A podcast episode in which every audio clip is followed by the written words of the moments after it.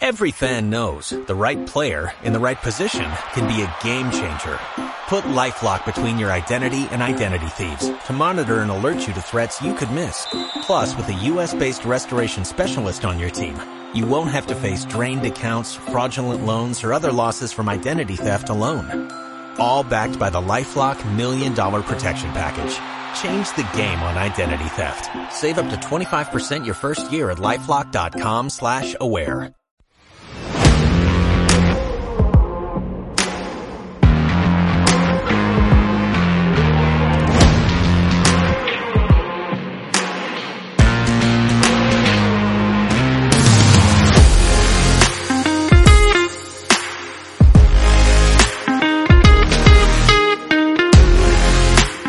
Hola, què tal? Benvinguts a Mans de la Neu, un cop més al nostre episodi número 5 de la gent de la neu.cat. Carrisso, què tal? Com estàs?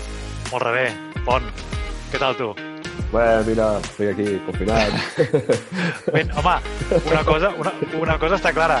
Segueix la incertesa en el, món- en el, en el mundillo del, de l'esquí, perquè encara no sabem quan, quan podrem esquiar, però si més no, aquestes nevades dels últims dies i les que, les que aniran venint, que eh, ja ho comentarem amb l'Àlex, si més no ens donen una mica més de vidilla.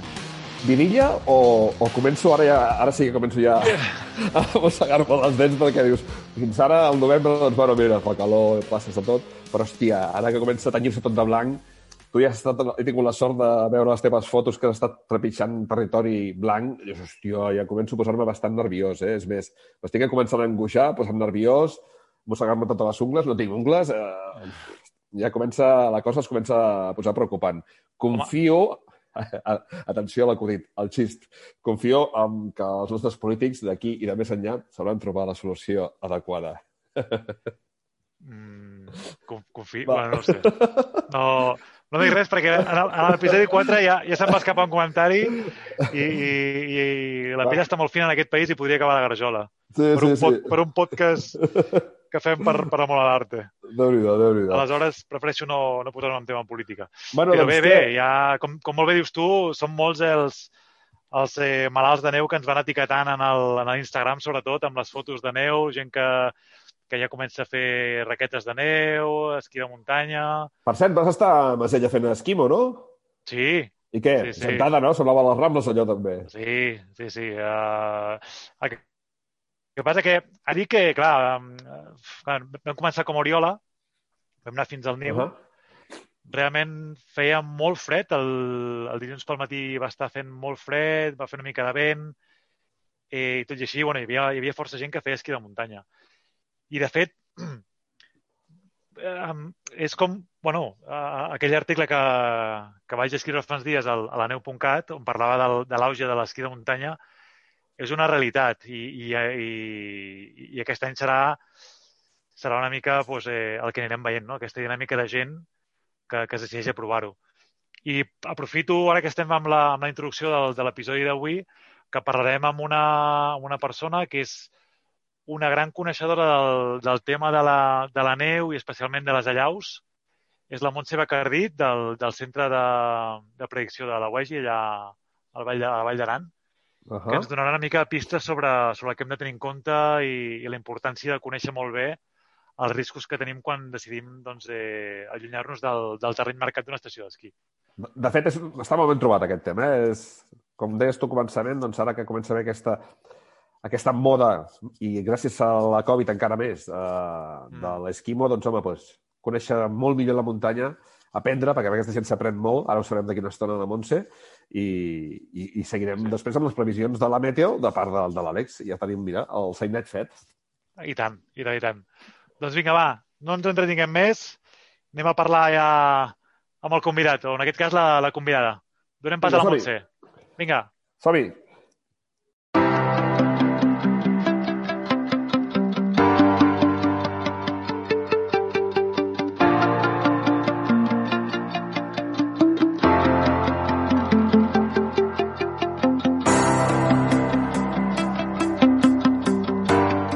La secció del convidat d'avui, bé, la convidada en aquest cas, parlarem de neu i allaus.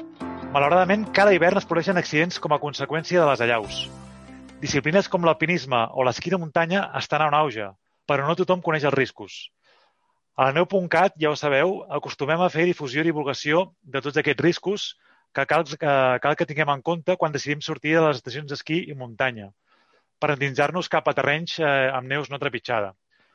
Per aquest motiu, i en l'episodi d'avui, hem pensat que seria molt interessant, i ara especialment que som a les portes de la temporada, i encara, encara no, no, hi, som, no hi som del, del tot allà engorilats, parlar amb una persona que en sap molt, però que molt de llaus. Vinga, va, no donem més voltes i donem la benvinguda a la Montse Bacardit, tècnica en neu i allaus del centre de la UEGI, del Consell General d'Aran, sòcia i formadora de l'ACNA i un amant insaciable del neu i la muntanya. Vaja, com molts de nosaltres, eh, dels, dels nostres oients. Què tal, Montse? Hola, prou bé i molt contenta d'estar amb vosaltres. Com, com portes aquest, eh, aquest inici de, de temporada o pretemporada? Eh, bé, jo crec que aquesta setmana ja podem dir que, que, ja, que ja estem en, en temporada. Al desembre, que, meteorolo... que Sí, l'hivern meteorològic... És sí. l'inici de l'hivern, també ho ha començat a ser meteorològicament parlant, ja que ja, doncs ja, com tots sabem, ha entrat el fred, han entrat nevades, i en pocs dies ja s'està formant un, un mantell de neu que ja comença a ser eh, suficient per lliscar, perquè puguem transitar amb esquís, i també comença a ser eh, perillós Eh, els centres de predicció de llaus eh, ja comencem a emetre els butlletins, tant des, del, des de l'Agència Estatal de Meteorologia, l'Institut Cartogràfic Geològic de Catalunya i nosaltres aquí a la Vall d'Aran des del centre de la UEGI del Consell General d'Aran. I aquests primers butlletins ja reporten graus de perills eh, una mica ja elevats, eh, graus 2, graus 3, segons la regió, i, per exemple, et puc explicar que ahir, dia de la Puríssima, 8 de desembre, ja vam reportar aquí a l'Aran doncs, algunes plaquetes accidentals, alguns incidents, alguna persona arrossegada. I doncs, bé, tot, tots aquestes dades ja, ja demostren que ja estem en, en ple hivern, que ja que, que la temporada ja, ja ha començat, no? Eh, també vull recordar que, que les primeres nevades van ser finals de setembre, primers d'octubre, i, i jo també puc dir que per primer cop vaig poder esquiar a finals de setembre aquí a l'Aran, vam fer una molt bona sortida i després alguns dies més a l'octubre i que també va haver-hi una mica d'inestabilitat amb aquelles, amb aquelles nevades. Fora, sí, de, de l'hivern eh, climatològic, però, però ja vam tenir condicions per esquiar a la muntanya i també perquè hi hagués inestabilitat, no? Que doncs... suposo, suposo, Montse, també que el, el fet d'aquest, bueno, aquesta situació, aquest any superanormal i superestrany en tots els sentits, pot, pot propiciar també que hi hagi més, més afluència de gent que, que, que practiquin esquí de muntanya. Sí, jo crec que tots els que hem pogut uh, gaudir aquests dies de, de entre cometes, pont uh, en un entorn de, de muntanya i ens hem atensat a alguna banda a esquiar, a fer esquí de muntanya, sobretot al, al voltant d'estacions d'esquí que encara no han pogut obrir, obrir portes, doncs hem vist força activitat de, de gent que, que fent activitat d'esquí de, de muntanya, no? I, i, i força gent amb un perfil que, que veies clarament que ve del, del món del, de les estacions d'esquí, dels dominis uh, i dels dominis uh, esquiables, no?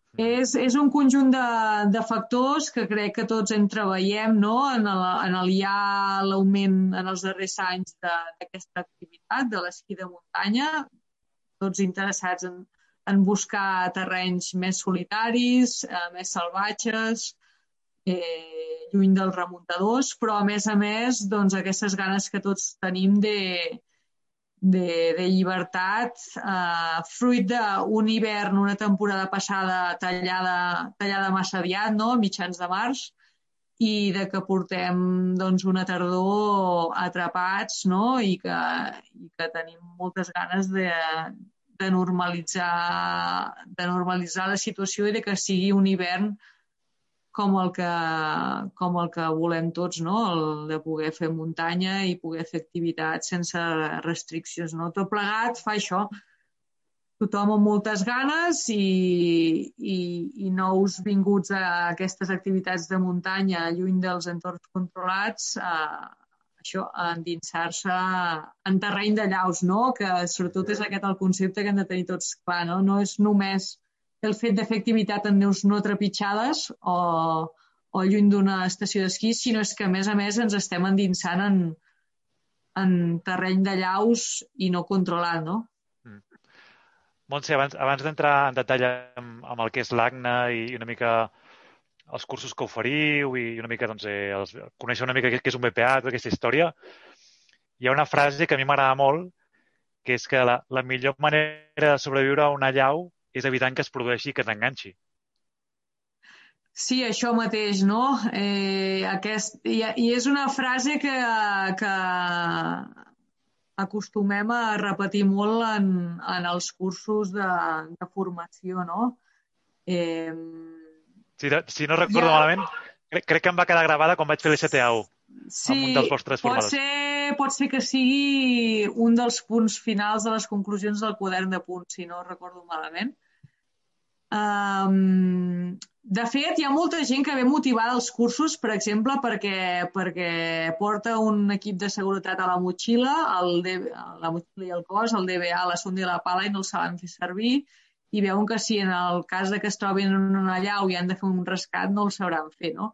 I és cert, és una part molt important, no?, la d'entrenar-se en, el, en el rescat, perquè si no ets molt vulnerable en cas de llau, no? No, no, no, no, ets capaç de, de, de sortir-te'n tu i el teu grup en un entorn en el que normalment eh, els equips de rescat tardaran més de 15 minuts a, a, a arribar, no? Però, d'altra banda, és, és, molt, és molt millor tàctica o estratègia el fet de que no es produeixi aquest allau, no? I això passa per escollir a, a, aquesta combinació de coses, no? la d'escollir condicions favorables, és a dir, mantells estables, la de circular en terreny segur i la d'anar acompanyats per, per un grup eh, que, que l'objectiu no és que sigui el més fort, no? A vegades ens confonem la, la tècnica o la forma física com a, com a millors qualitats per al nostre grup i no, no, el, el grup ha, ha d'estar format per... per o, o, el que a mi m'agrada és, és anar acompanyada per persones amb les que em pugui comunicar, intercanviar informació de manera objectiva i prendre les decisions de manera informada i adequades a la, a la situació i al, i al terreny. No? Sí, per sí. mi aquest és el, el millor grup que, que puc escollir per fer activitat.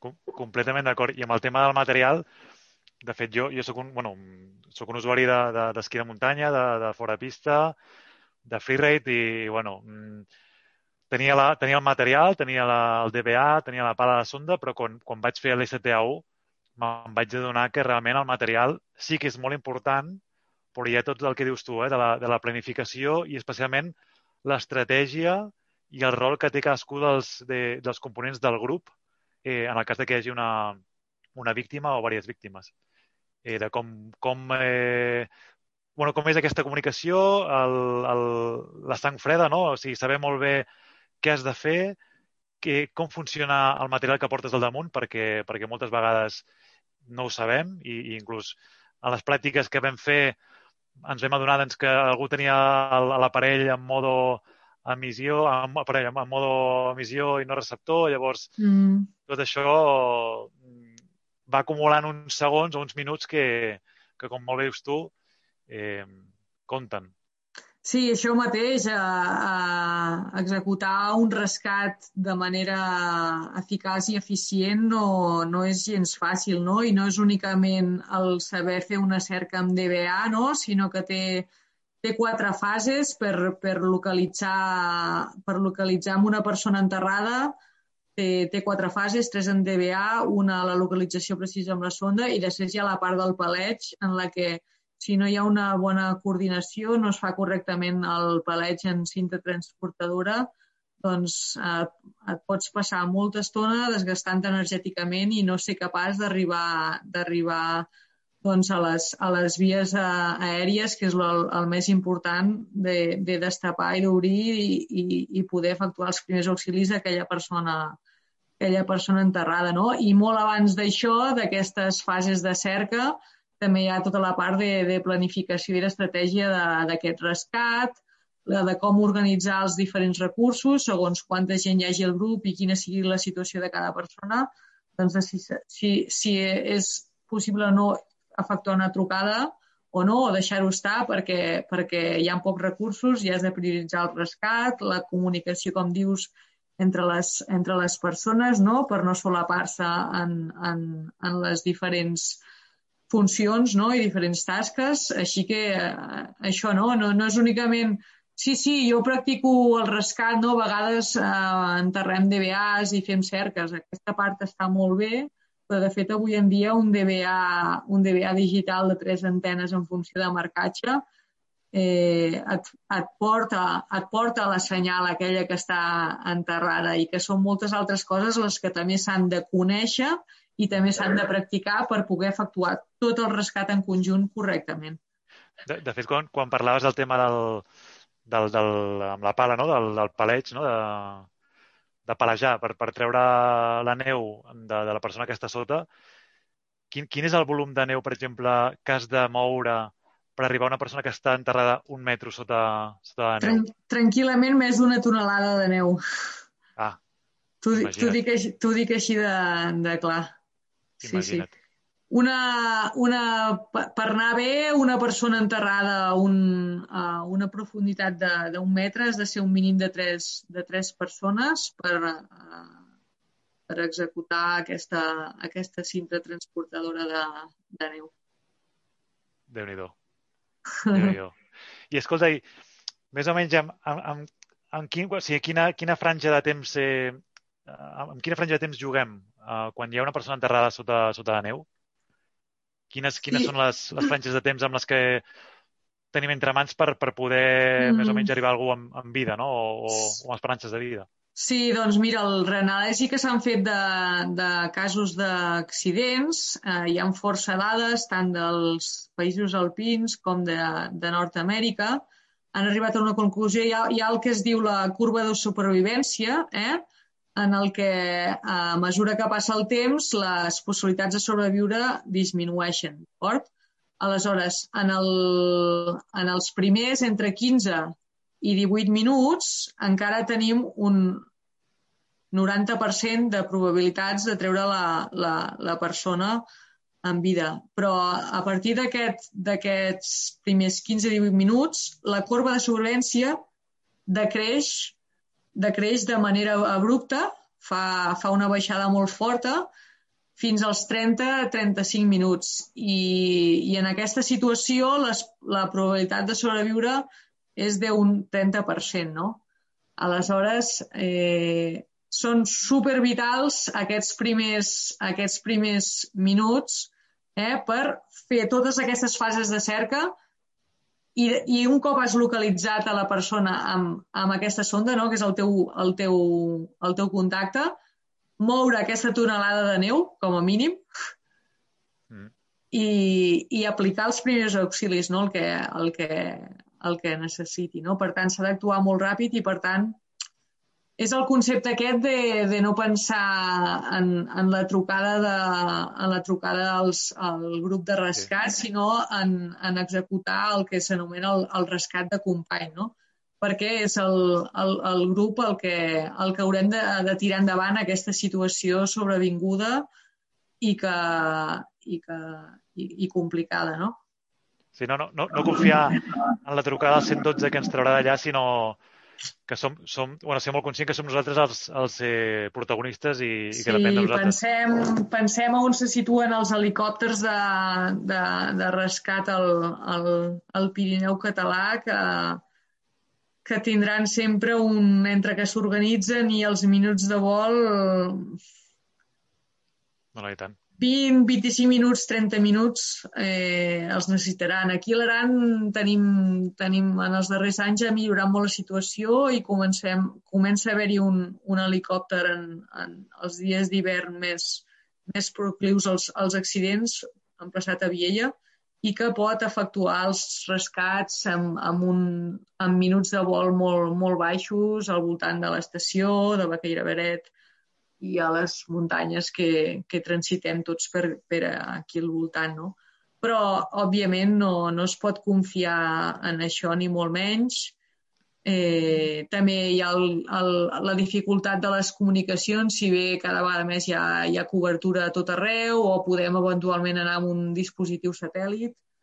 Eh, hem d'estar entrenats per al, i preparats per al rescat de company. Home, de, de fet, això també cal remarcar-ho, que no sempre eh, podem trucar al 112. Clar, si no hi ha cobertura... És que això, hi ha per, gent que no ho sap encara. Diu, no, no, encara, encara que no tingui cobertura jo truco al 112. No, no, per, si això, cobertura... per això mateix, per això mateix. Una, una bona cosa a fer en la planificació és sempre doncs, conèixer quina és la cobertura d'aquest indret, no? Val, sí, puc confiar en la cobertura telefònica. O no, ostres, doncs, dispositius satèl·lits, ràdios. Eh, les activitats a muntanya i encara més la muntanya hivernal demanen ser capaços o unes habilitats, unes competències molt transversals en molts temes. No només és força física i tècnica en esquí de muntanya o tècnica en alpinisme o tècnica en raquetes, el que sigui, sinó que també demana formació en terreny de llaus, rescat, primers auxilis, comunicacions, supervivència un ambient fred, eh, moltes coses. Moltes coses que moltes vegades no hi són. Que moltes vegades no hi són perquè l'avantatge i la desavantatge de, de, de fer activitat en muntanyes relativament poc salvatges, no? Eh, jo he tingut la sort de, de poder viatjar a Sud-amèrica, de fer, impartir formació allà, de fer activitat d'esquí de muntanya, sobretot els, els Andes xilens, i, i, i pots anar a fer activitat en llocs molt, molt remots. És a dir, a part de que els equips de rescat estan molt efímerament organitzats, és una cosa molt recent, eh, és que no, no fa falta que intentis trucar a ningú perquè no hi ha ningú aquí a trucar. Clar. I pots estar a dos dies del cotxe.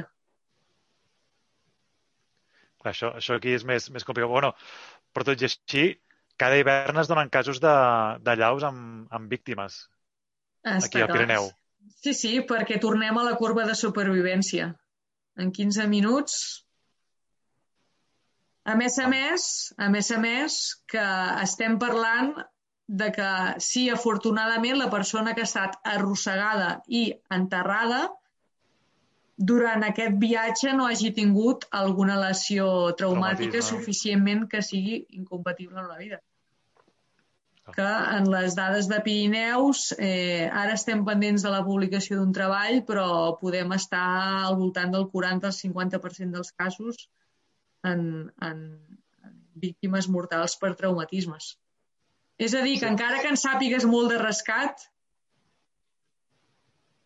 eh, sí, sí el politraumatisme va, va, va per davant, no? Com passa molt en, a la zona de a, Nord-Amèrica, en algunes zones de, de Estats Units i sobretot de, de Canadà, en què tenen molts dies de mal temps i esquien molt terreny boscós i tenen mantells molt inestables, inclús a dins del bosc, com clarianes de bosc. Aleshores és, és terreny trampa, terreny traumàtic, no?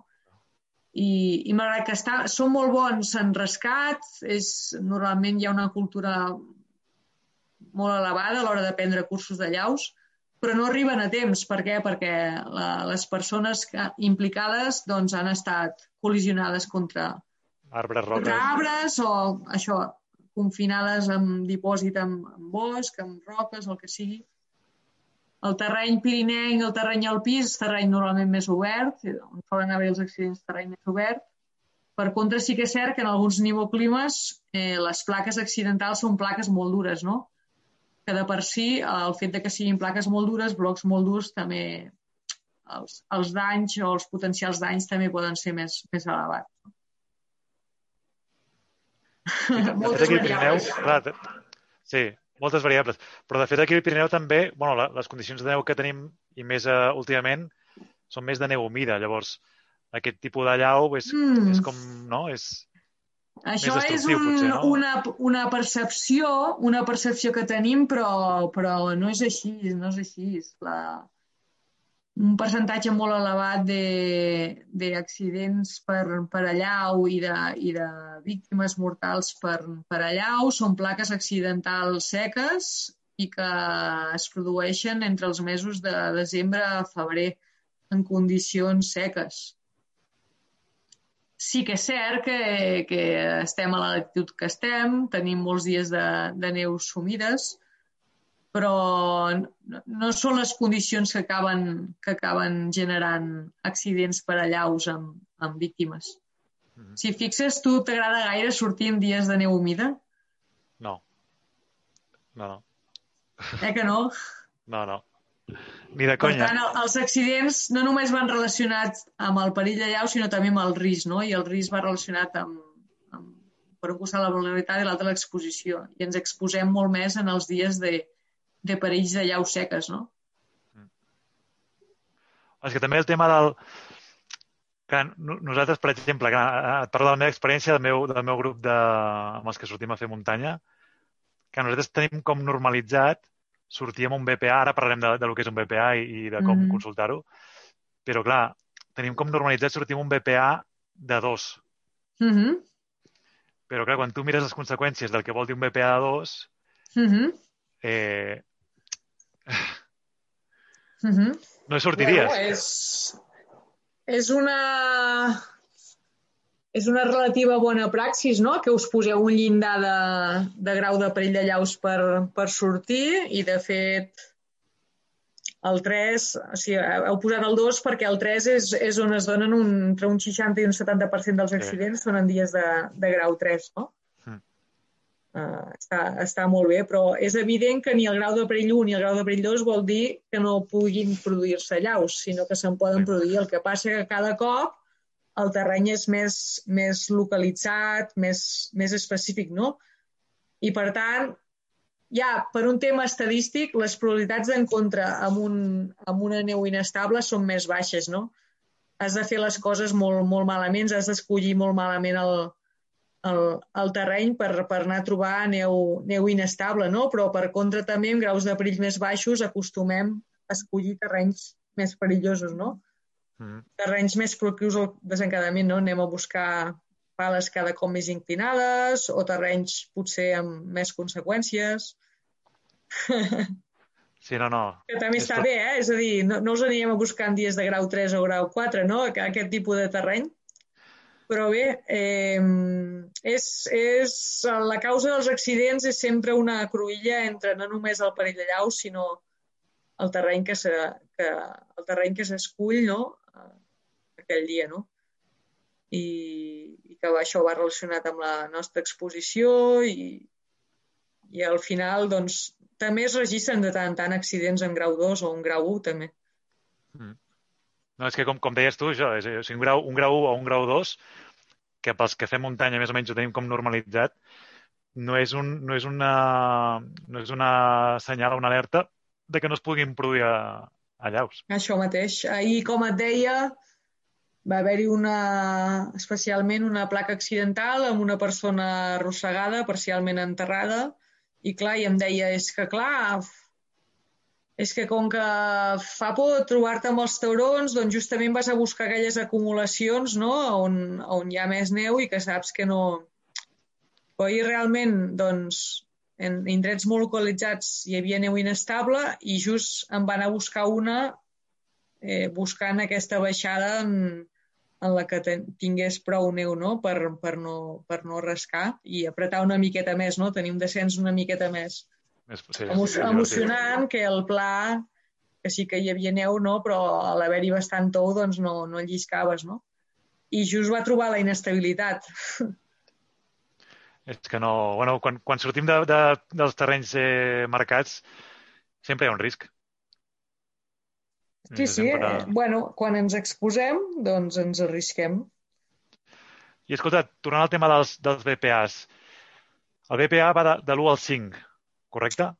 Bueno, no és el BPA, sinó que és l'escala europea de perill de llaus. D'acord? El BPA és butlletí de perill de llaus, que és aquest report, aquest informe, que una de les coses més importants que et diu, o diguem el titular d'aquest BPA, és el grau de perill de llaus i que, és, eh, i que està graduat segons aquesta escala europea, que també és molt semblant a l'escala nord-americana, no? amb aquests cinc nivells del feble al, al molt fort, no? passant pel moderat, el marcat i el, i el fort. No? Eh, però, a més a més, a continuació d'aquest grau de perill ve tota una informació que jo sempre dic que és tan o més útil que el propi, que el propi grau de, de perill de llaus. Tu ara m'has dit, ja, és que amb el meu grup només sortim en dies de 1 o 2. Però clar, també entenc que hi ha cert perill, dic, sí, és clar. Però si no, en aquests casos especialment, si no llegeixes el que ve a continuació del butlletí, que és a on, tot i que hi ha poc perill, on es localitza aquest perill, quines probabilitats hi ha de desencadenament, quin tipus de llaus poden haver-hi, aquest 1 o 2 no et servirà de res, perquè potser justament aniràs a escollir per fer la teva activitat aquest terreny on encara hi ha una mica de perill. Mm. M'entens el que vull dir? Jo a vegades dic als cursos, dic, agafeu el BPA, estripeu la part de dalt de tot, que és el grau de perill, i fixeu-vos en el que ve a continuació, que són els problemes de llaus, eh? aquesta nova forma de comunicar les diferents situacions de llaus, estandarditzades, ara ja és un, un requisit, una recomanació dels, de l'Associació de Serveis de Predicció de Llaus d'Europa. De, Tots comuniquem les diferents situacions de perill amb aquestes icones estandarditzades, amb, amb el mateix llenguatge, la mateixa terminologia, que són neu recent, neu ventada, caves les persistents, neu humida i camins basals, aquesta, aquestes cinc situacions. I quan es menciona una d'aquestes situacions, es diu en quines cotes i en quines orientacions i una mica de descripció, no? Doncs a vegades la neu ventada pot estar només en cotes altes, i, i prop de les carenes, dels cims i dels colls, però a vegades pot estar en cotes altes i mitges, a totes les orientacions, però no només prop de les carenes, pot estar també fins i tot al mig dels vessants. No? Una mica de descripció. A continuació ve una informació potser una miqueta més tècnica, no? que potser costa més de digerir si no tenim informació en, en seguretat en terreny de llaus, que és la descripció del mantell de neu, com està composat el mantell de neu, no només quins gruixos trobem en diferents potes, sinó quines capes té, on es troben especialment les inestabilitats, algunes recomanacions de circulació molt útils i finalment es dona una tendència, no? doncs si el, el perill de llaus eh, es mantindrà, augmentarà o disminuirà i què, i què ho causarà no? aquesta, aquesta evolució. I això és un format que, que s'està estandarditzant molt entre tots els centres de predicció de llaus eh, europeus. Europa. Uh mhm. -huh. Molt bé. I escolta, mm, els BPAs n'hi ha a nivell regional, però també a nivell més localitzat. Sí, eh, perquè ens aquí entenguem... Aquí al Pirineu, quin, quins trobaríem aquí al Pirineu? O sigui, qui, qui emet aquest tipus de BPAs? Més o menys la recomanació EAUES és que per fer un butlletí de llaus a escala regional ha de ser per una regió té un mínim d'extensió de 100 km quadrats. La, la Vall d'Aran té una extracció de 625 km quadrats i tot i que ens sembla que és un butlletí, sí que podem dir que és un butlletí més local, no? més a escala de, de, de Vall d'Aran, però continua sent eh, predicció regional que utilitza les mateixes eines de predicció que, per exemple, la que elabora l'Institut Cartogràfic i Geològic de Catalunya, en la que distingeix, de fet, dos butlletins, el Pirineu Oriental i el Pirineu Occidental, però dins d'aquests dos butlletins també té unes regions de predicció. Uh, Ter Freser, uh, em sembla que hi ha uh, Pedrafita, Pedrafita sí. Cadí Moixeró, uh, de ha Pallars, Ribagorça i Aran Franja Nord, d'acord? Aleshores, cada una d'aquestes regions és un BPA diferent per, per ells. I després hi ha una mica el, el, el sistema d'EMET, sí que són regions molt grans i ho separen per comunitats, no? Té el BPA per, pel Pirineu Català, el BPA pel Pirineu Aragonès, el BPA per, per Navarra i després també emet, eh, no diàriament, però sí que emet per, per la serralada cantàbrica. Mm. D'acord? Però quan ens referim tècnicament als predictors de llaus a predicció local, és el que s'anomena predicció específica per unes localitats. No? I unes localitats es refereixen a zona de llaus. I, per exemple, aquí al centre de la UEG i del Consell General d'Aran també eh, fem predicció de llaus locals perquè emetem el que anomenem el comunicat de perill de llaus, que és intern, no és públic, per eh, transmetre el, el, el perill de llaus de dos carreteres molt importants per la vall, que són la carretera del Port de la Bonaigua, la C28, i la carretera d'accés al Pla de Baret, la C142B. Aleshores, no fem un BPA, sinó que fem un CPA, que l'emetem quan, quan és necessari. Per exemple, avui hem, hem emès el primer CPA de la temporada per als gestors de la carretera i que puguin prendre les seves decisions. Si obrir, si tancar, si uh, tancar però es pot seguir netejant o no, si s'ha de fer control de llaus, etc. I això és predicció local. Per què? Perquè és específica, t'estàs referint en uns vessants en, en concrets. Ja estem afinant molt en dir amb unes probabilitats si aquelles zones de llaus d'aquell sector de la carretera poden generar activitat de llaus o no. I entenc, entenc que aquests BPAs s'actualitzen diàriament, en ple, en ple hivern. La predicció local o la, o la regional, la pública? La regional. La regional pública, sí. Eh, tots aquests centres de predicció que he esmentat, l'AEMET, ICGC i Consell General d'Aran, emetem diàriament des de que comencem la predicció de, de allaus. Eh, cal dir, fins ara el, el Consell General de l'Aran emetia un únic butlletí a les 8 del matí. Aquest any hem fet un canvi molt important amb, en aquest nou format de butlletí adoptat de la plataforma Albina dels centres de predicció de llaus tirolesos, que si vols d'això en podem parlar un altre dia. I, i ara matem el butlletí principal a les 5 de la tarda perquè creiem que és la, el millor horari per oferir una informació que sigui útil per a la planificació de la sortida de l'endemà, però a més a més aquest nou sistema de butlletins ens permet fer una petita actualització l'endemà a les 8 del matí per si en el transcurs d'aquestes hores, vespre i nit, ha hagut algun canvi inesperat en la meteo que ens faci canviar la predicció. I, per tant, fa, fer una petita actualització eh, que, que per als usuaris també ha de ser responsabilitat de tornar a consultar el butlletí a les 8 per si han de reajustar una mica aquella, aquella activitat. Tornant al tema del material, mmm, Montse, fa uns anys es van, bueno, van aparèixer les, les motxilles eh, amb airbag i, i bueno, la veritat és que, que sembla que funcionen molt bé, però també a vegades et donen un punt de confiança en accés. I de... Dius, no, jo, jo ja tiro d'ABS, de, de, del, del, bueno, ABS és, és una marca, de, de l'airbag, tiro el sistema d'airbag i amb això ja tinc... Sí. Ja m'he salvat, no? I, I això no és així. Sí, és el fenomen, el fenomen que tu esmentes és el que s'anomena l'homeòstasi del risc, no?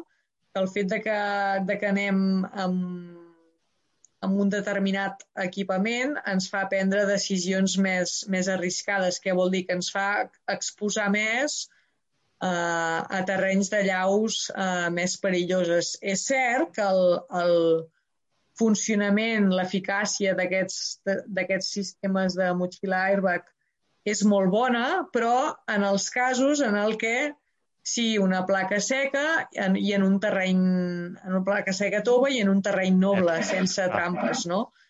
Clar, si vas a comptar que d'un, en les muntanyes, allà on hi ha plaques accidentals entre Europa i Nord-Amèrica, entre un 30 i un 50% de les causes de mort per allà o és per traumatismes, doncs ja, ja estàs dient que potser de 4 de cada 10 casos que, que pots activar aquesta motxilla airbag, doncs encara que l'activis bé i s'infli tal, doncs no, tampoc et servirà de res perquè la causa de, de mort o de lesió serà, serà una altra, no? Mm. Eh, per tant, eh, hem d'intentar que el nostre equip o fins i tot la fortalesa, diguem-ne, en competències no físiques, sinó en competències del nostre grup. Per tant, tots aquests elements que afecten la nostra vulnerabilitat no afectin a la nostra decisió objectiva, no? I una bona pregunta que ens podem fer és, abans de fer aquest, aquesta, aquest flanqueig o d'endinsar-nos en aquesta vall o de fer aquesta baixada, dir, vale, si jo ara anés despullat o despullada, entre cometes, faria el mateix, no? Prendria la mateixa decisió si jo ara no tingués ni l'airbag, ni el DBA, ni el pala, ni la sonda, ni el casc. Prendria la mateixa ruta? Si, si això ens comença a fer ballar, és que realment estem, eh, de manera objectiva, és que estem veient que hi ha un, un cert perill, no? Aleshores, vale, tornem a, a, tornem a avaluar com és aquest perill, tornem a avaluar com és aquest terreny, tornem a pensar quines conseqüències pot tenir i aleshores doncs, acabem de prendre una decisió més, més informada, no? Montse, portem, portem no sé, un rato, una estona, i hem parlat de moltíssimes variables, factors, mm, un munt d'informació. I en aquest sentit, tot, tota aquesta informació doncs, eh, la canalitzeu a través d'uns cursos de formació que, que impartiu des de, des de l'ACNA. Què, què és l'ACNA? Això mateix. L'ACNA, l'Associació pel Coneixement de la Neu i les Allaus, fundada el 2006 per, per uns motivats, jo encara no hi eren aquells temps a l'associació, sobretot amb l'ànim de, de, de donar a conèixer el fenomen de la, de la neu i les, i les allaus, divulgar, conscienciar i, i, i treballar tant des del punt de vista recreatiu com professional per, per fer créixer la, la cultura en aquest sentit de, de la neu, les allaus i la, i la seguretat. Aleshores, des de fa menys anys, aproximadament el 2011, s'ha anat establint i consolidant un, un programa de, de formació que avui en dia pensem que hem de treure pit perquè, perquè és una, avui en dia ja és, un, ja és de referència no només al Pirineu català, sinó en, en àmbit estatal. Un programa de, de cursos en dos nivells per a recreatius i també un programa de cursos per als tècnics d'esports de, de muntanya en formació per les diferents escoles de, de, de guies de muntanya i, i en la qual doncs, una sèrie de professors acreditats, que vol dir que han passat un, uns requisits i, i uns exàmens eh, teòrics i pràctics, imparteixen aquests cursos, aquestes formacions de manera harmònica, consensuada, amb uns mateixos materials, uns mateixos continguts i, i objectius, no? Per tant, la, la formació és un dels pilars bàsics d'ACNA, però a més a més també intentem fer moltes altres coses, com és la de publicar la revista La neu i allaus un cop a l'any, que just, mira, avui m'ha arribat a casa el paper, que la puc ensenyar. La neu i allaus, Tenia. amb la Nia, amb una portada espectacular de, de Xema Trull, amb una foto de Jordi Tenes, que va, va, va morir fa uns anys per una llau a Sud-amèrica. Mm.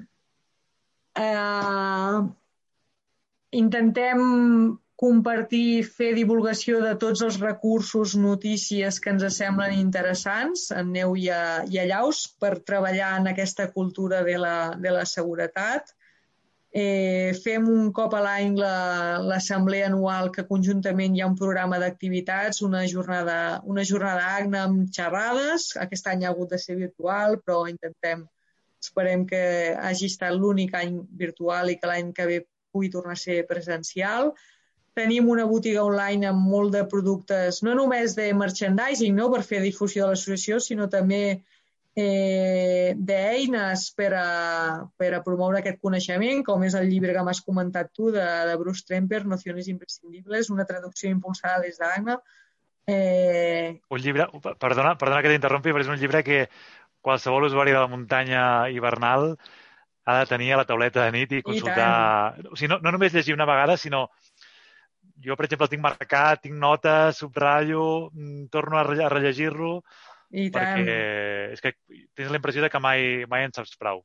No només en continguts, sinó també en reflexions i en frases que, que val molt la pena llegir per portar-les al cap quan fem les nostres activitats, perquè de ben segur ens ajudarà molt en les decisions, no? que al final és la, les decisions és el que ens va de, de la línia no? d'estar al costat de la seguretat o al costat de, del tenir un, un accident. No? Eh, també aquest any hem iniciat finalment el projecte de, de fer difusió dels accidents en àmbit estatal, no? Fins ara no hi havia cap lloc públic on es, on es donessin a conèixer els accidents per, per allà, o incloent accidents al Pirineu català, Aragonès, Andorra, també intentarem incloure els de vessant francès i d'altres massissos i serralades d'Espanya, de, no? Eh, aquesta és una tasca que fa temps que venim endarrere i aquest any doncs, eh, començarem, començarem a fer. I això, eh, des de tots els àmbits, maneres i canals de difusió que podem, fer aquesta formació, aquesta educació, aquesta divulgació, perquè la, la cultura de la, de la muntanya i de la, i de la seguretat a la vegada doncs, sigui més àmplia no? I, i, que, que no... que és, que és, que és indispensable tenir al cap que, que muntanya, neu i hivern va íntimament lligada amb, amb les sallaus, no? i que és un dels perills més importants que hem de tenir al, al cap quan fem qualsevol tipus d'activitat des d'esquí de muntanya, a freeride, a raquetes, a alpinisme, a, a l'hivern amb neu i amb terreny de llaus, no? Mm. Els, els cursos que, que comentaves que van adreçats a, a tots aquests usuaris que, que volen fer el pas i bueno, a fer esquí de muntanya, alpinisme o, o raquetes de neu, per exemple, eh, el, a l'STA1, no? STA1 i STA2. Uh -huh. ja, ja està publicat el, el calendari a la web?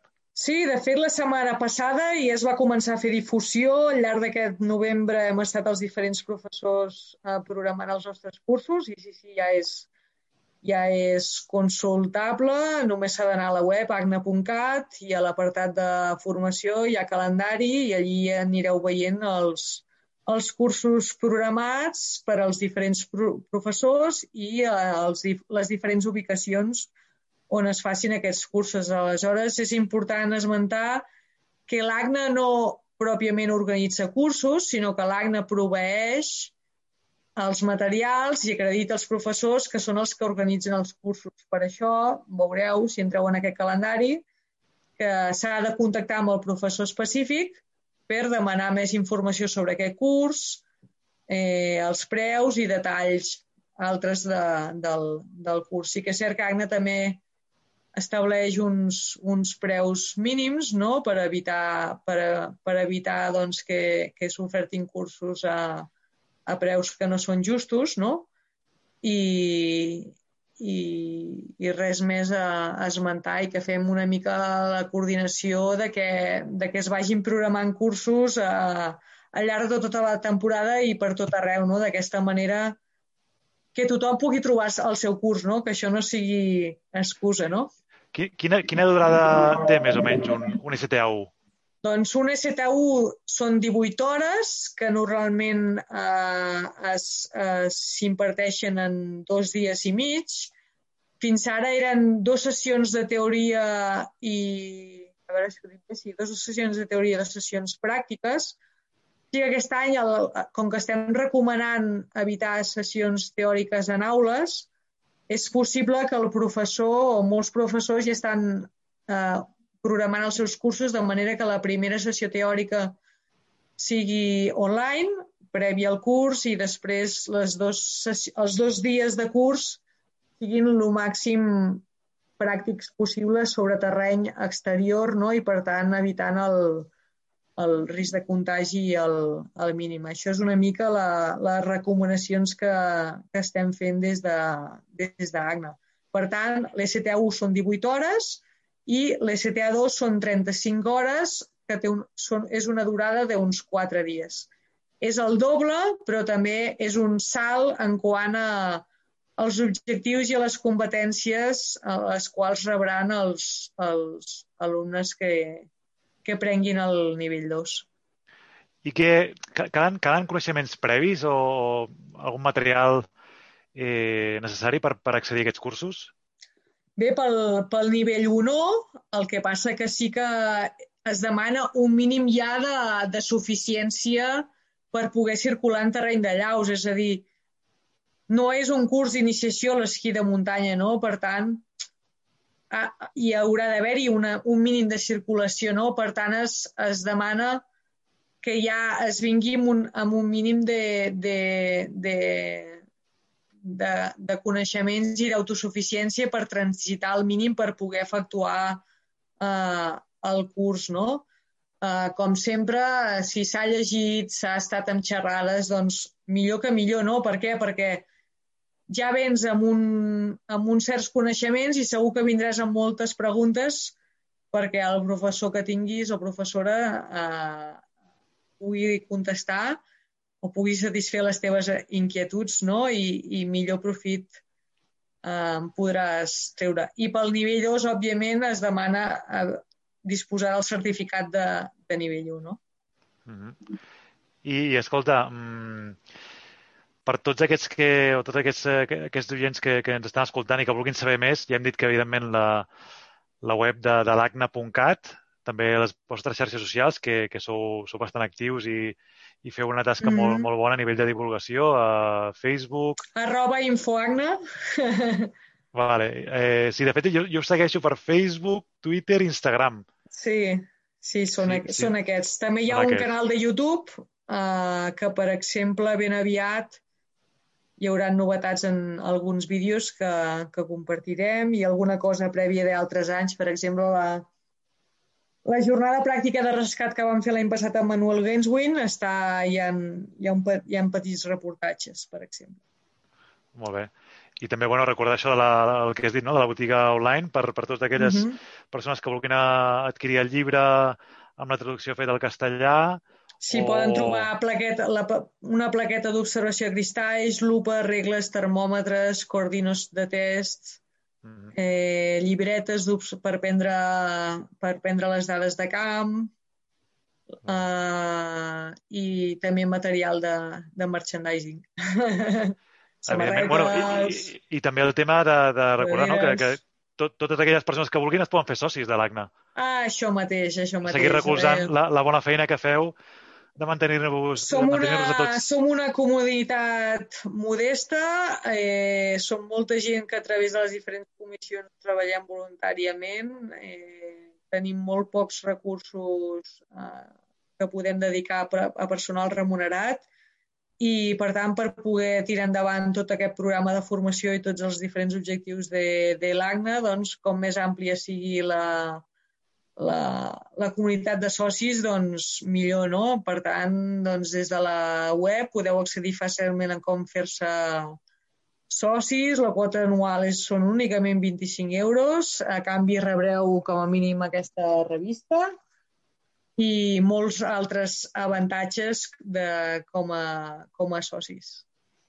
Molt bé, uh, Montse, ostres. Fins, fins ara, mira, t'haig de dir que ha sigut la, la xerrada d'una convidada, en aquest cas, més llarga.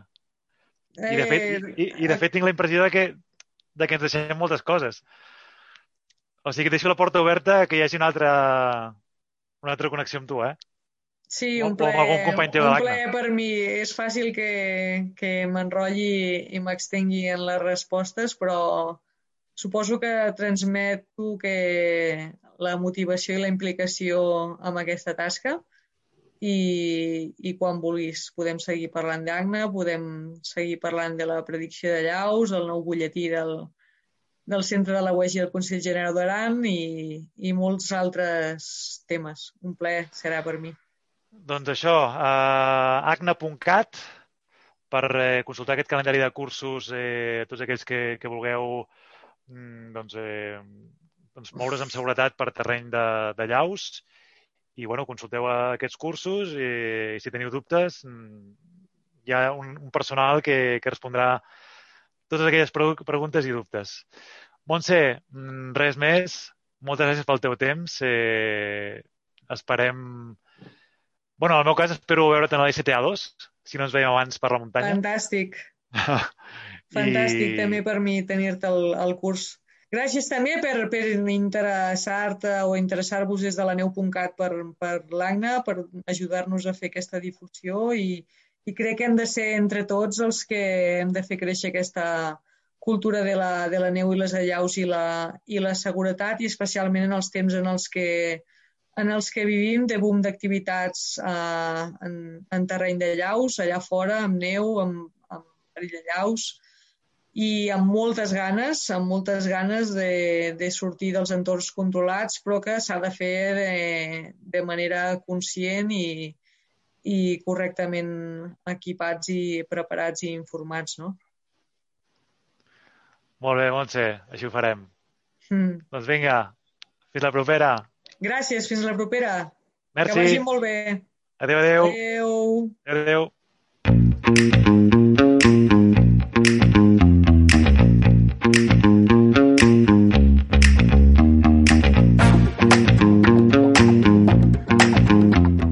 Vinga, i arribats a aquest, a aquest punt del, del programa d'avui, li toca al nostre expert meteoròleg eh, mediàtic, el, el meteoròleg més mediàtic, si més, no, Més cachondo, i més cachondo. més catxondo i més melanut. Això sí. Ja m'agrada tenir el cabell. Què tal, Àlex? Molt bé, molt bé. El, el, el Yeti. El Yeti. El Yeti. Hòstia, ho has dit tu, eh? Ho has dit tu. No passa res. Ja. Vale? Soc el jefe de los caminantes blancos. Ai, ai, les Ai, ai, ai. Ah, exacte. Et falta el típic pal aquell, saps el pal aquell del, del, del Moisès quan va creuar el desert? Exacte. Ho farem, ho farem. El que passa que ara, per mesures Covid, no em permeten reunir més de 5 persones. Però quan ho fem, el reunirem. Que gran. Tu, escolta, Àlex, estàs molt distret eh, últimament amb tot aquest moviment meteorològic? Bueno, sí, sí, a veure, jo crec que tots i molt contents, eh?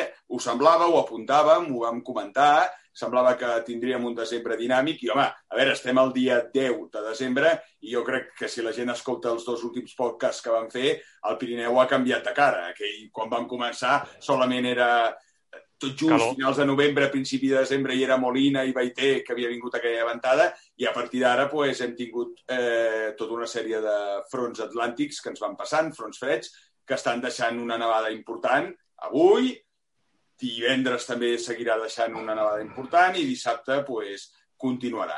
I a la recàmera fins i tot tenim un altre possible sol fred, el 19 o el 20, que, bueno, que jo el veig bastant possible a dia d'avui. Bueno, d'això ja, ja en parlarem més endavant. Ja més endavant. Bueno, però això dona molta il·lusió perquè ja penso, ja, ja estic pensant en el Nadal. Si és que ens deixen esquiar, el Nadal pot ser l'hòstia. Home, pot ser... Jo crec que les condicions de les pistes estaran molt bé. També hi ha una cosa que és molt important i jo estic molt content. Per fi fa un desembre com toca. bueno, de fet, no fa un desembre com toca. Ha fet més fred del que tocava. De fet, jo crec que molta gent ja no ens havíem acostumat a que era tindre fred. Fins i tot aquí a la City, a Barcelona, la gent es queixava de fred. I dius, ja és hora, eh? perquè, com a mínim, a veure, que la gent de muntanya es queixi de fred, això és relativament normal, amb tords, eh, neu i tal, però que la sensació de fred s'ha tingut. I dona una mica doncs, aquesta sensació de, de que la cosa ha funcionat. I més venint del lamentable novembre que vam tindre, que va ser terrorífic. Horrorós. Horrorós. Si més no, si més no ja es nota un canvi de dinàmica respecte al que vam viure l'hivern passat, que, que va ser un desastre a nivell uh, de neu. I això ja és d'agrair. Sí, i una dinàmica mo- molt diferent, tu que parles del divendres passat, del, de l'hivern passat, fins i tot de l'altre, que era, a lo millor, dos grans nevades i res més. Fins i tot amb calor, amb situacions molt eh, de, de conservació de neu, de patiment, però que no, que no nevava. I en canvi ara hi ha una dinàmica. Vull dir, jo crec que avui en dia la gent obre el Twitter i, home, no et sorprèn estar veient imatges de nevar a Andorra, nevar a la Vall d'Aran, nevar a la Molina, o sigui, la gent està retuitejant i està posant aquestes imatges. I l'hivern passat era quasi com, oh, neu, eh? eh, allò que cau del cel. Eh? I ara dona aquest dinamisme que jo crec que dona alegria, sumat que l'octubre també va ser molt dinàmic. Aquí, diguéssim, hem tingut l'episodi del novembre que ha estat horrible, però a l'octubre també va tindre cinc nevades molt excepcionals al Pirineu.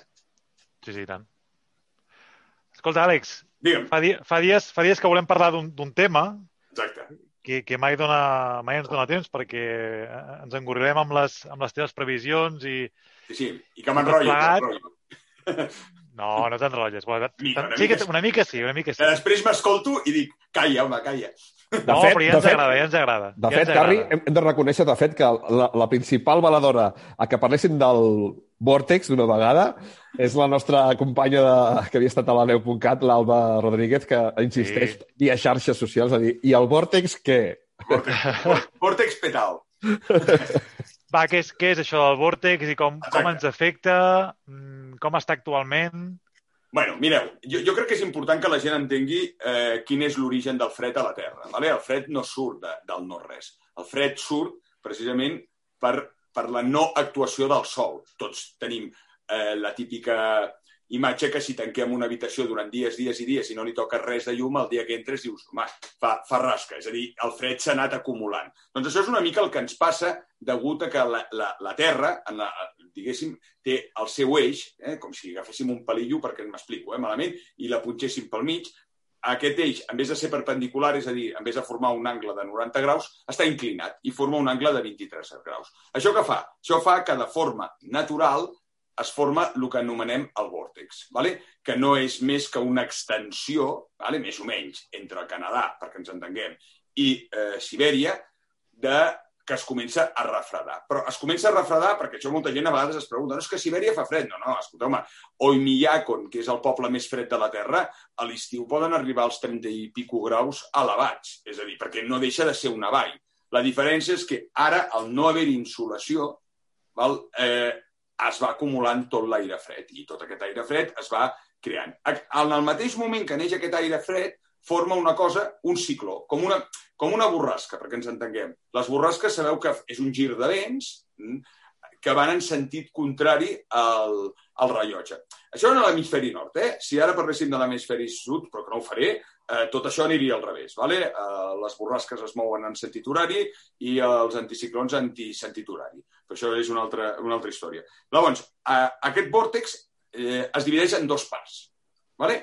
El vòrtex troposfèric, que aquest està sempre, i el vòrtex estratosfèric. Vale? La troposfera, més o menys, és una capa de l'atmosfera que és on es produeixen tots els fenòmens meteorològics. Aquesta capa arriba més o menys a uns 10 quilòmetres. Com que l'atmosfera, diguéssim, que és tot el que nosaltres coneixem com aire, rodeja la Terra, no, no, no té la mateixa profunditat. És més prim als pols i és més gruixuda als equadors. Amb la qual fa que doncs, parlem de que pot ocupar 10 quilòmetres, la, eh, la troposfera, etc. bueno, doncs aquest vòrtex es comença a refredar a partir d'ara. Vale? Quan? Bueno, doncs a finals d'octubre. I de forma natural mor quan, més o menys? A l'abril quan ha el propi eix inclinat de la Terra i la translació que fa la Terra al voltant del Sol, fa que a poc a poc el Sol comença ja a, a actuar en tota aquella zona i per tant el fred desapareix. I passa l'efecte contrari a l'hemisferi sud. Llavors és quan ells deixen de tindre sol i es comença el, el vòrtex seu a congelar. Bueno, doncs aquest vòrtex eh, es divideix en dues parts, el troposfèric i l'estratosfèric. A mi, quan hi ha tot aquest caixondeu del vòrtex, se'm va conèixer per l'estratosfèric, perquè l'estratosfèric Eh, el que està molt estudiat, el que tothom té, diguéssim, eh, eh, quan parlem de l'índex AO, ara, eh, eh, l'oscil·lació àrtica, que ve el fred. Bueno, aquest, el que estem estudiant sempre és el troposfèric, el que, el que veiem en els mapes, el de 500 hectopascals, 850 hectopascals, més o menys. Però l'estratosfèric és el que va fins a 50 quilòmetres d'altitud, més o menys. ¿vale? I llavors aquest vòrtex eh, es forma, com us deia, de forma natural a l'hivern, eh, més o menys a finals de l'octubre, i mor al final de l'abril. Vale. Aquest vòrtex es forma perquè s'acumula molt de fred i és un cicló que neix de forma natural que va girant. I és com, imagineu eh, com uns vents molt bèsties que van aguantant aquest fred. Vale? I aquest fred, clar, està com tancat, no hi ha insolació i va acumulant-se. Actualment està molt fred. De fet, tenim el vòrtex estratosfèric eh, catxondo, el tenim fort, vale? el tenim el tio barrat i eh, allà, eh, amb totes les piles, ben, ben el tio ben fotut. De fet, ara està arribant, l'altre dia ho estava mirant, al 75-76 sota zero, que és bastant, bastanta temperatura. Tot això l'any passat, que tu parlaves de, de que va ser un hivern lamentable, el vòrtex estratosfèric va estar compacte tot l'any, sumat al troposfèric, que això és, mm, també va ser molt curiós, era com una barrera de, quasi bé de 0 metres fins a 50 quilòmetres d'alçada, tot tancat i mm, tot l'aire fred va quedar a l'Àrtic. De fet, l'any passat, l'Àrtic va augmentar l'extensió amb gel marí. I que, el que passa que com que hem tingut un estiu tan lamentable de calor i les anomalies de temperatura són tan fortes, lamentablement aquest gel no ha aguantat i el de gel s'ha produït molt gran. Però, de fet, diguéssim que la Terra semblava que com si volgués sanar una mica el, el, el propi gel marí. El que passa que no ha tingut suficient força. Vale. Què passa amb aquest vòrtex estratosfèrics? Que de tant en quant, ja sé que sonarà malament, té un calentón. Vale? I aquest calentón, quan es produeix, és el que nosaltres diem, eh? un calentament súbit estratosfèric, vale? vol dir, en poques paraules, que en una setmana la temperatura puja molt a través d'una cosa que s'anomenen les zones ROPSI. Bueno, ja parlarem més endavant perquè si no sí que al final el, el rotllo no, no l'acabaré. Llavors, si es produeix aquest cal, que, escalfament súbit, estratosfèric, vol dir sobtat ràpid, que normalment és una pujada d'uns 20 o 30 graus en una setmana, a veure, que ningú s'imagina allà dalt, en plan tovallita de playa i prenent el sol. No, eh, eh, pujar 20 o 30 graus significa que passem dels 80 a lo millor als 50 o 40 sota zero. Però la relació és que ha pujat molt la temperatura. Això genera un desequilibri en aquell aire fred, per, perquè m'expliqui. D'alguna manera, aquell aire fred que estava de dalt, aquest, és com si puf, perd la força i cau a baix. I llavors on cau? Al vòrtex troposfèric. I a partir d'allà, aquest aire, bum, surt en plan disparat. Això a nosaltres té dos efectes, dos. Aquest aire o va més a la zona d'Estats Units i Canadà o pot anar a Sibèria. L'última vegada que va passar aquest escalfament, que xondo que a nosaltres ens va afectar, va ser el 2017, que és l'última siberiana important que va rebre Europa. ¿vale? que és, ja ho sabeu, la siberiana és la bèstia de l'este, o sigui, si, si jo aquest any puc anunciar una siberiana, m'haureu de lligar amb cordes a la xarxa, ja ho veureu, eh? perquè ja no sé quin... Ni caminantes blancos ni hòsties, és la bèstia de l'este. I allò és el més fort que vam tindre. Eh? El famós Nadal del, del 62 a Barcelona va ser... bueno, aquell any, a més, van ser diverses siberianes. És el que pot... Allò rebenta tot, ¿vale? i és el que porta moltíssim aire fred. Doncs eh, sembla, aquí hi ha crítics que no ho diuen, però els estudis, que quan això es produeix, provoca doncs, aquestes entrades fredes. L'any passat, si us en recordeu, va passar als Estats Units. Hi ha aquelles imatges tan bèsties de Chicago, de Buffalo, amb aquelles gelades. Us en recordeu que es va congelar el sí, mar sí. tot, que sortien unes gelades brutals. Bueno, doncs tot aquest aire fred de l'estratosfèric, pam, els hi va caure a ells. Doncs bé, una de les coses que també aquest any, amb el fenomen que vam parlar de la niña i altres fenòmens, aquestes teleconnexions que, que a mi m'agrada tant remenar eh, i mirar, doncs pot semblar que hi ha alguns models que estan apuntant que potser per gener podria haver-hi un escalfament súbit estratosfèric. Si això es produís, elementalment, llavors, senyors, ens hem d'aixecar, eh? eh posar-nos serios, perquè llavors vindria una, una de, de veritat. Eh? Penseu que moltes vegades aquests fronts que estem tenint... Ara hem tingut un interessant, eh? ha estat un polar marítim, que feia molt de temps que no. Una entrada polar des de l'Àrtic, es diu marítim perquè ha passat per l'Atlàntic, amb recorregut marítim. Aquests són els que afavoreixen de manera collonant els Alps. No? Que, eh, ja he vist la foto que heu penjat eh, de les nevades eh, espectaculars que han tingut els Alps, que són brutals, però clar, és tot, imagina't, és tot aquell recorregut marítim que agafa, o sigui, va agafant tota la humitat del mar i roc, les isobares, si veieu, els hi van a ells. Per tant, humitat i fred àrtic, collonut, eh, els hi cau i a nosaltres no ens ha favorit tant, però sí que, en canvi, ens ha vingut el clatallot fred, i jo crec que tothom ha notat el fred.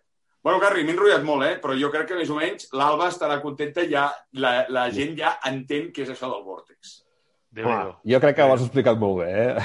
ets, un, ets molt bon divulgador, eh? per això sempre ho he dit, és que, és que això no és el Barça i això és bon divulgador, que més vols, hòstia. Home, no, és que s'ha, jo crec que és molt important, Pep, i tu també, i vosaltres sou molt divulgadors, en explicar les coses d'una manera fàcil. Elementalment això és física, eh, hi ha molts conceptes, es fan estudis científics molt rigorosos i tal, però crec que es pot explicar i la gent ho pot entendre d'una manera.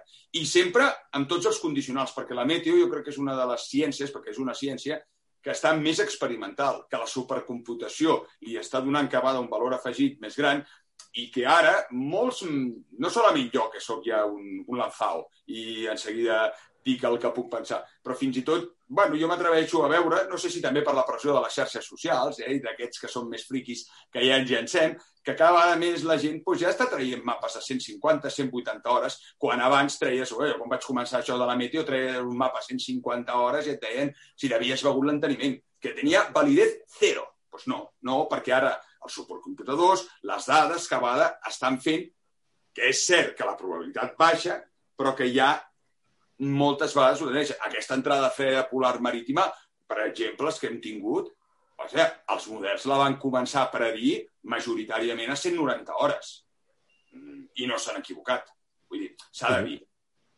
Però llavors, escolta, Àlex, i el, el vòrtex, diguéssim que es pot seguir a nivell dels mapes meteorològics? Sí, sí. eh, tens, normalment es, es treballa a nivell dels 10 hectopascals. Un dia parlarem tot això dels hectopascals perquè jo crec que la gent també té una mica de follon. Perquè la gent es pregunta més o menys eh, perquè no, no ho mesurem, eh? perquè no diem 1.500 metres, 8 quilòmetres, 10. bueno, això és perquè, que, perquè en meteorologia el que es busca és un equilibri amb el geopotencial, és a dir, en trobar-nos eh, la mateixa superfície. I, I sempre parlem de l'atmosfera lliure. Però, bueno, llavors, més o menys, els mapes que treballem al vòrtex és a 10 hectopascals, que vindrien a ser més o menys uns 25 quilòmetres. ¿vale? Si, si te'n recordes, t'he dit que més o menys el, el estratosfèric acabava als 50 quilòmetres, doncs vindria a ser una mica la meitat. ¿vale? entre 25 i 30 quilòmetres, perquè depèn, depèn on es troben aquests 10 hectopascals. I és una, me, una mica el punt mig i és on normalment trobem doncs, els vents onals, per exemple, els vents onals és, els vents onals és aquest cicló que t'he dit tan bèstia, quan el vent zonal està molt fort, vale? a 60 o a 70, t'està indicant que el vòrtex està fortíssim. Vale? Si de cop i volta veus que el vent zonal comença a baixar, 70, 60, 50, 40... Potser ja t'està donant pistes a que s'està enfablint. Vale? Pot ser un enfebliment natural, que podria ser, jo que sé, al final, o pot ser que comenci a haver-hi aquest escalfament súbit. Vale? Llavors, els que ens agrada tot aquest mundillo del vòrtex, doncs normalment estem mirant molt aquests models, vale? els del 10 hectopascal, tant a nivell de temperatura com els vents zonals, com també mirem, perquè existeixen, eh? existeixen el, el, el GFS, l'europeu, aquests grans models també fan les previsions de com poden anar aquests vents. I hi ha tot, bueno, ja un dia, si voleu, parlaré, hi ha, hi ha tot una sèrie de cracs per la xarxa que jo he anat coneixent. Jo que pensava que això del vòrtex ho coneixia tot, tot Cristo. Després, el dia que vaig sortir al recurs, resulta que no, això no ho sabia ni, ni, ni, ni el papa. Jo era l'únic tonto que es veu que llegia americans i gent de tot això. I hi ha molta gent que són autèntics eh, bèsties eh, d'això, que jo he après molt d'ells, perquè totes aquestes coses... Escolta, Àlex, si, si et sembla, bueno, tot, tot aquest terme, aquesta terminologia de la, mete, de la meteo és super interessant i recordem una mica que, que tots els, els que ens escolten, si volen eh, aprendre més, tenim un curs eh, online amb el, amb el Carles Nerin, correcte? Sí, hem començat aquest any, que estem molt contents perquè tenim s'ha apuntat moltíssima gent, molt, molt més de l'esperat, i la idea que hem començat és fer uns cursos eh, d'aprenentatge de meteorologia. La nostra idea hem començat ara amb un, que és bàsic ja per poder fer prediccions ben fetes i a poc a poc anar augmentant una miqueta el nivell de la gent que es pugui acabar ficar més. Perquè hi ha una afició a la meteo, jo crec, aquí a Catalunya, i, bueno, i en general a la península, però bueno, jo parlo més a Catalunya perquè potser és l'àmbit que ens movem, que és impressionant. I aquest país que nosaltres tenim és fantàstic. Vull dir, és que... Home, gros, en 30 i poc mil quilòmetres que té Catalunya tenim de tot hi ha tan, tants microclimes que són espectaculars, oh. sobretot per, la, per els que ens agrada la, la meteo. Clar, jo tinc l'avantatge que el meu avi era pagès i era d'aquells que necessitava la, la meteo molt present i era el típic que quan sortia el senyor del temps de la meteo a la tele deia silenci, aquí no es parla, no? això va passar al meu pare i ara ho estic fent jo, també. Sí. Jo crec que, jo crec que això, que, això és generalitzat eh, a Catalunya, perquè a casa meva, mons pares, bueno, especialment me mare, és de pal. Ui, el temps, el temps, espari ah, un món, saps? Sí, I el primer que fa, bueno, ara té el, això, el, el smartphone, el, uh, crec que té un iPhone, i clar, o sigui, cada dia això, hosti, aquest cap de setmana nevarà, tal, eh, demà plou... Mm, bueno, però segur, segur que diu que li canvia molt, perquè l'iPhone et fot floquets de neu, te'ls treu, posa, baixa... Bueno, eh... Sí. Bueno, això hem de fer un monogràfic de, també d'aplicacions, la teva visió sí. crítica, perquè també he sentit alguna cosa de les aplicacions que, que tots són models automàtics de predicció. Que no, Home, total, no... total. Va, pues així no, no, no hace falta decir nada más. Ja està. Home, a veure, jo, jo moltes vegades he fet la curiositat, perquè em fa molta gràcia, també tinc un iPhone, com deia el, el, el Carri, de que em surt de l'iPhone. Anant a la Molina i agafo, faig la captura de pantalla, connecto la webcam i un sol. Pum. És a dir, clar, s'estan basant en, en prediccions i no, no, o sigui, no poden treure el cap i dir ai, collons, ah, perdó, de, no neva. que qualsevol meteo, a veure, com a mínim, mm, ho, ho veuria. Jo però no de l'iPhone. Àlex, jo no sé si no us heu fixat, però jo també vaig, vaig quedar parat també amb el tema de que a Meteocat uh, hi ha un espai de, per previsions de Pirineu i totes són previsions també fetes automàtiques. Correcte, correcte, correcte. Jo crec que... Eh, bueno, perquè aquí Aquí jo crec que hi ha un factor per mi molt important que s'ha perdut. Està clar que la supercomputació eh, afavoreix a, a tots aquestes coses i a tots ens agrada tindre una web que ens posi automàticament quin temps fa i tal, però que falta la idea del predictor. Amb el Carles, eh, que, que ho dèieu, amb el programa, nosaltres ho diem. Moltes vegades hauríem de prohibir els mapes de precipitació i que la gent mirés els mapes isobàrics i els alçada. Perquè moltes vegades ens basem en unes interpretacions dels models que si tu no ets d'una zona, no saps patir. Mira, jo sempre dic el mateix, i la gent de, de, que em coneix molt de la Molina ho sap. No hi ha un, un model que posi que nevi a la Molina mai. Tu mires els models predictius de la Molina, un centímetre. El forecast és nou, dos centímetres. Un, si això fos veritat, és que no obríem mai. I després resulta que poden arribar a tindre 80 o un metre. Què passa? Bueno, la Molina té un microclima. Precisament la Molina eh, és l'única estació que té tres comarques. Berguedà, molt diferent. Ripollès, molt més Pirineu Oriental, i la Tossa, que hi ha orientada a nord. Eh, tot i no ser una estació de nord Masella, però agafa. Clar, que són tres microclimes brutals que poden fer canviar molt la predicció. Bona aquesta, sí senyor. Molt bé, Àlex. Farem, farem un, un especial d'això, sí, sí. Un especial, exacte. Sí. Hem de fer, hem de fer molts especials, eh? bueno, tenim temps, estem confinats. No ens deixen esquiar. Sí, sí exacte. El dia que ens deixin esquiar, que ens esperin el dijous. Exacte. farem, farem un, un live, saludarem i ah, hasta luego, Lucas. Hasta luego, Lucas, tal qual. Bueno, Escolta, doncs, doncs vinga, um, seguirem molt pendents del, del teu Twitter, que, que treu fum. I sobretot pensem que el proper programa uh, només faltarà una setmana per Nadal. Ojito. Correcte. Voldrem les previsions, eh? Sí, sí. Sento- Espera, aquest Confio Nadal. amb un, amb un white, white, white. Christmas. Però jo, jo, crec, jo crec que eh, estem, eh, tota la gent que estimem el món de la neu, estem quasi més pendents no de, de, de la previsió meteorològica per primera vegada a la història, sinó de la previsió del, de tots Però- aquests senyors de, del Gencat o no sé què, que ens deixin o no el 21 si és comarcal municipal. Lamentablement, jo crec que estem en aquesta situació. Sí, és així de trist. Sí, Perquè ja firmem esquiar com estigui. sí, sí. sí. Ja és igual. Anirem veient, anirem veient. I si no, bueno, és que, clar, justament ara fa, fa una mica veia un, una notícia del... Bueno, totes les, les empreses i entitats que es dediquen al món d'organitzar curses de, de córrer, de, de muntanya o el que sigui, que també, clar, o sigui, o correm o morim.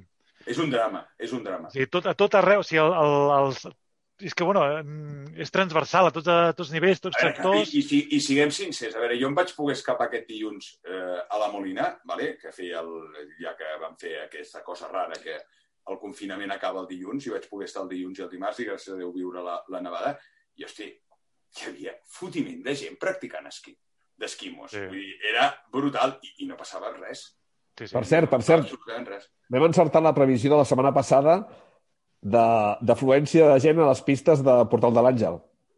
Exacte, sí, sí. Bueno, clar, Sí, sí, és que llavors arribaves, veies allò i, i, i, i et quedava la retina el que havies Sí. vist i penses mm, que algú m'ho expliqui. No, és que a mi, a mi també m'agrada perquè, clar, quan es vam veure les aglomeracions de cotxes a, a la C16, per exemple, no? que pugen cap a, cap a Cerdanya, sobretot, cap al túnel, Bueno, aquest és un clàssic, també, però bueno. això, és- això és un clàssic, però la gent ja va... Bueno, algunes persones van començar a escandalitzar-se. rajar. Oh, és que no, no veieu, que no sé què, és que això se'ls hauria de, de, de, de tallar el coll, aquesta gent, eh, irresponsables. A veure, en primer lloc, eh, no és tant, i l'altre dia una, una periodista en les preguntes freqüents del TV3 ho va dir, diu, no és tant uh, el, a, on, o, sigui, a on anem, sinó què fem i com ho fem a on anem. O sigui, la gent que té segones residències a Cerdanya, al Ripollès, o on sigui, o a la Costa Brava, um, es poden desplaçar i poden seguir mantenint les mesures que tenen a, a les seves ciutats d'origen.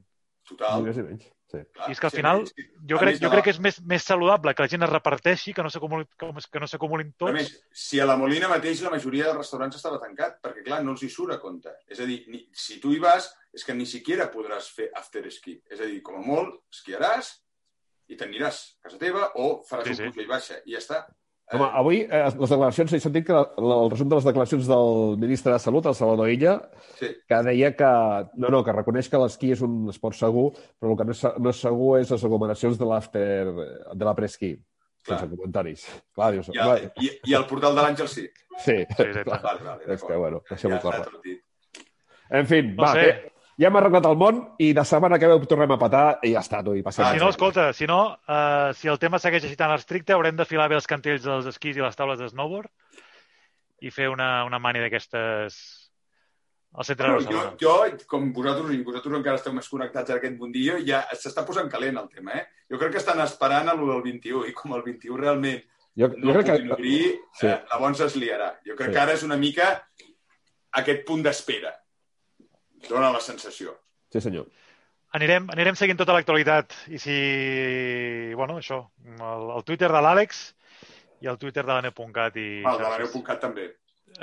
Que no es digui, que no es digui. Vinga, Va, vinga, Va, maco. bonic. vinga, Una abraçada. Adéu. Adéu. Adéu. Adéu.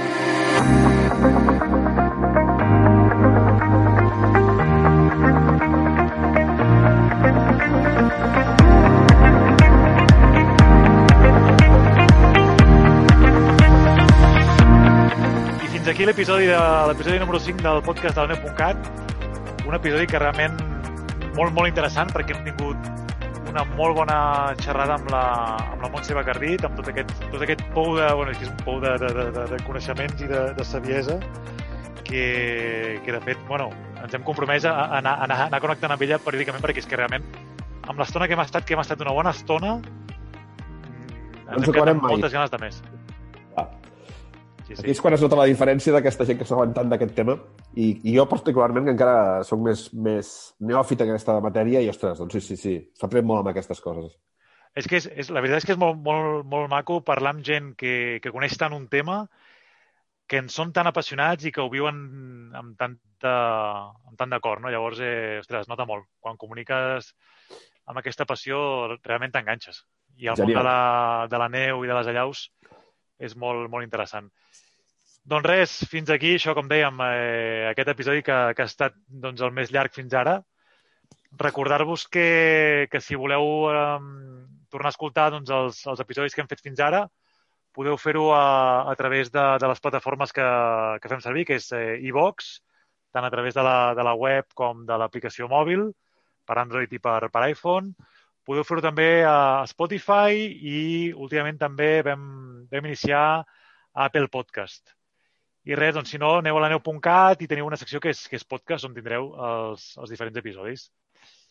Doncs Eh, està. Pep Pont, Doncs res, vinga, uh, esperar que segueixi el fred i les nevades que ens diu l'Àlex i la setmana que ve doncs, definirem ja si serà un Nadal blanc o no i el millor de tot, si sabrem, suposo que aquelles alçades ja si ens deixaran esquiar. confiem. Confiem Va. en que, en que aquesta incertesa vagi a poc a poc eh, Va, vinga. donant lloc a la a l'obertura ja final, perquè és que si no, Ja toca, ja toca. si no mossegarem, eh? I tant. Jo el primer.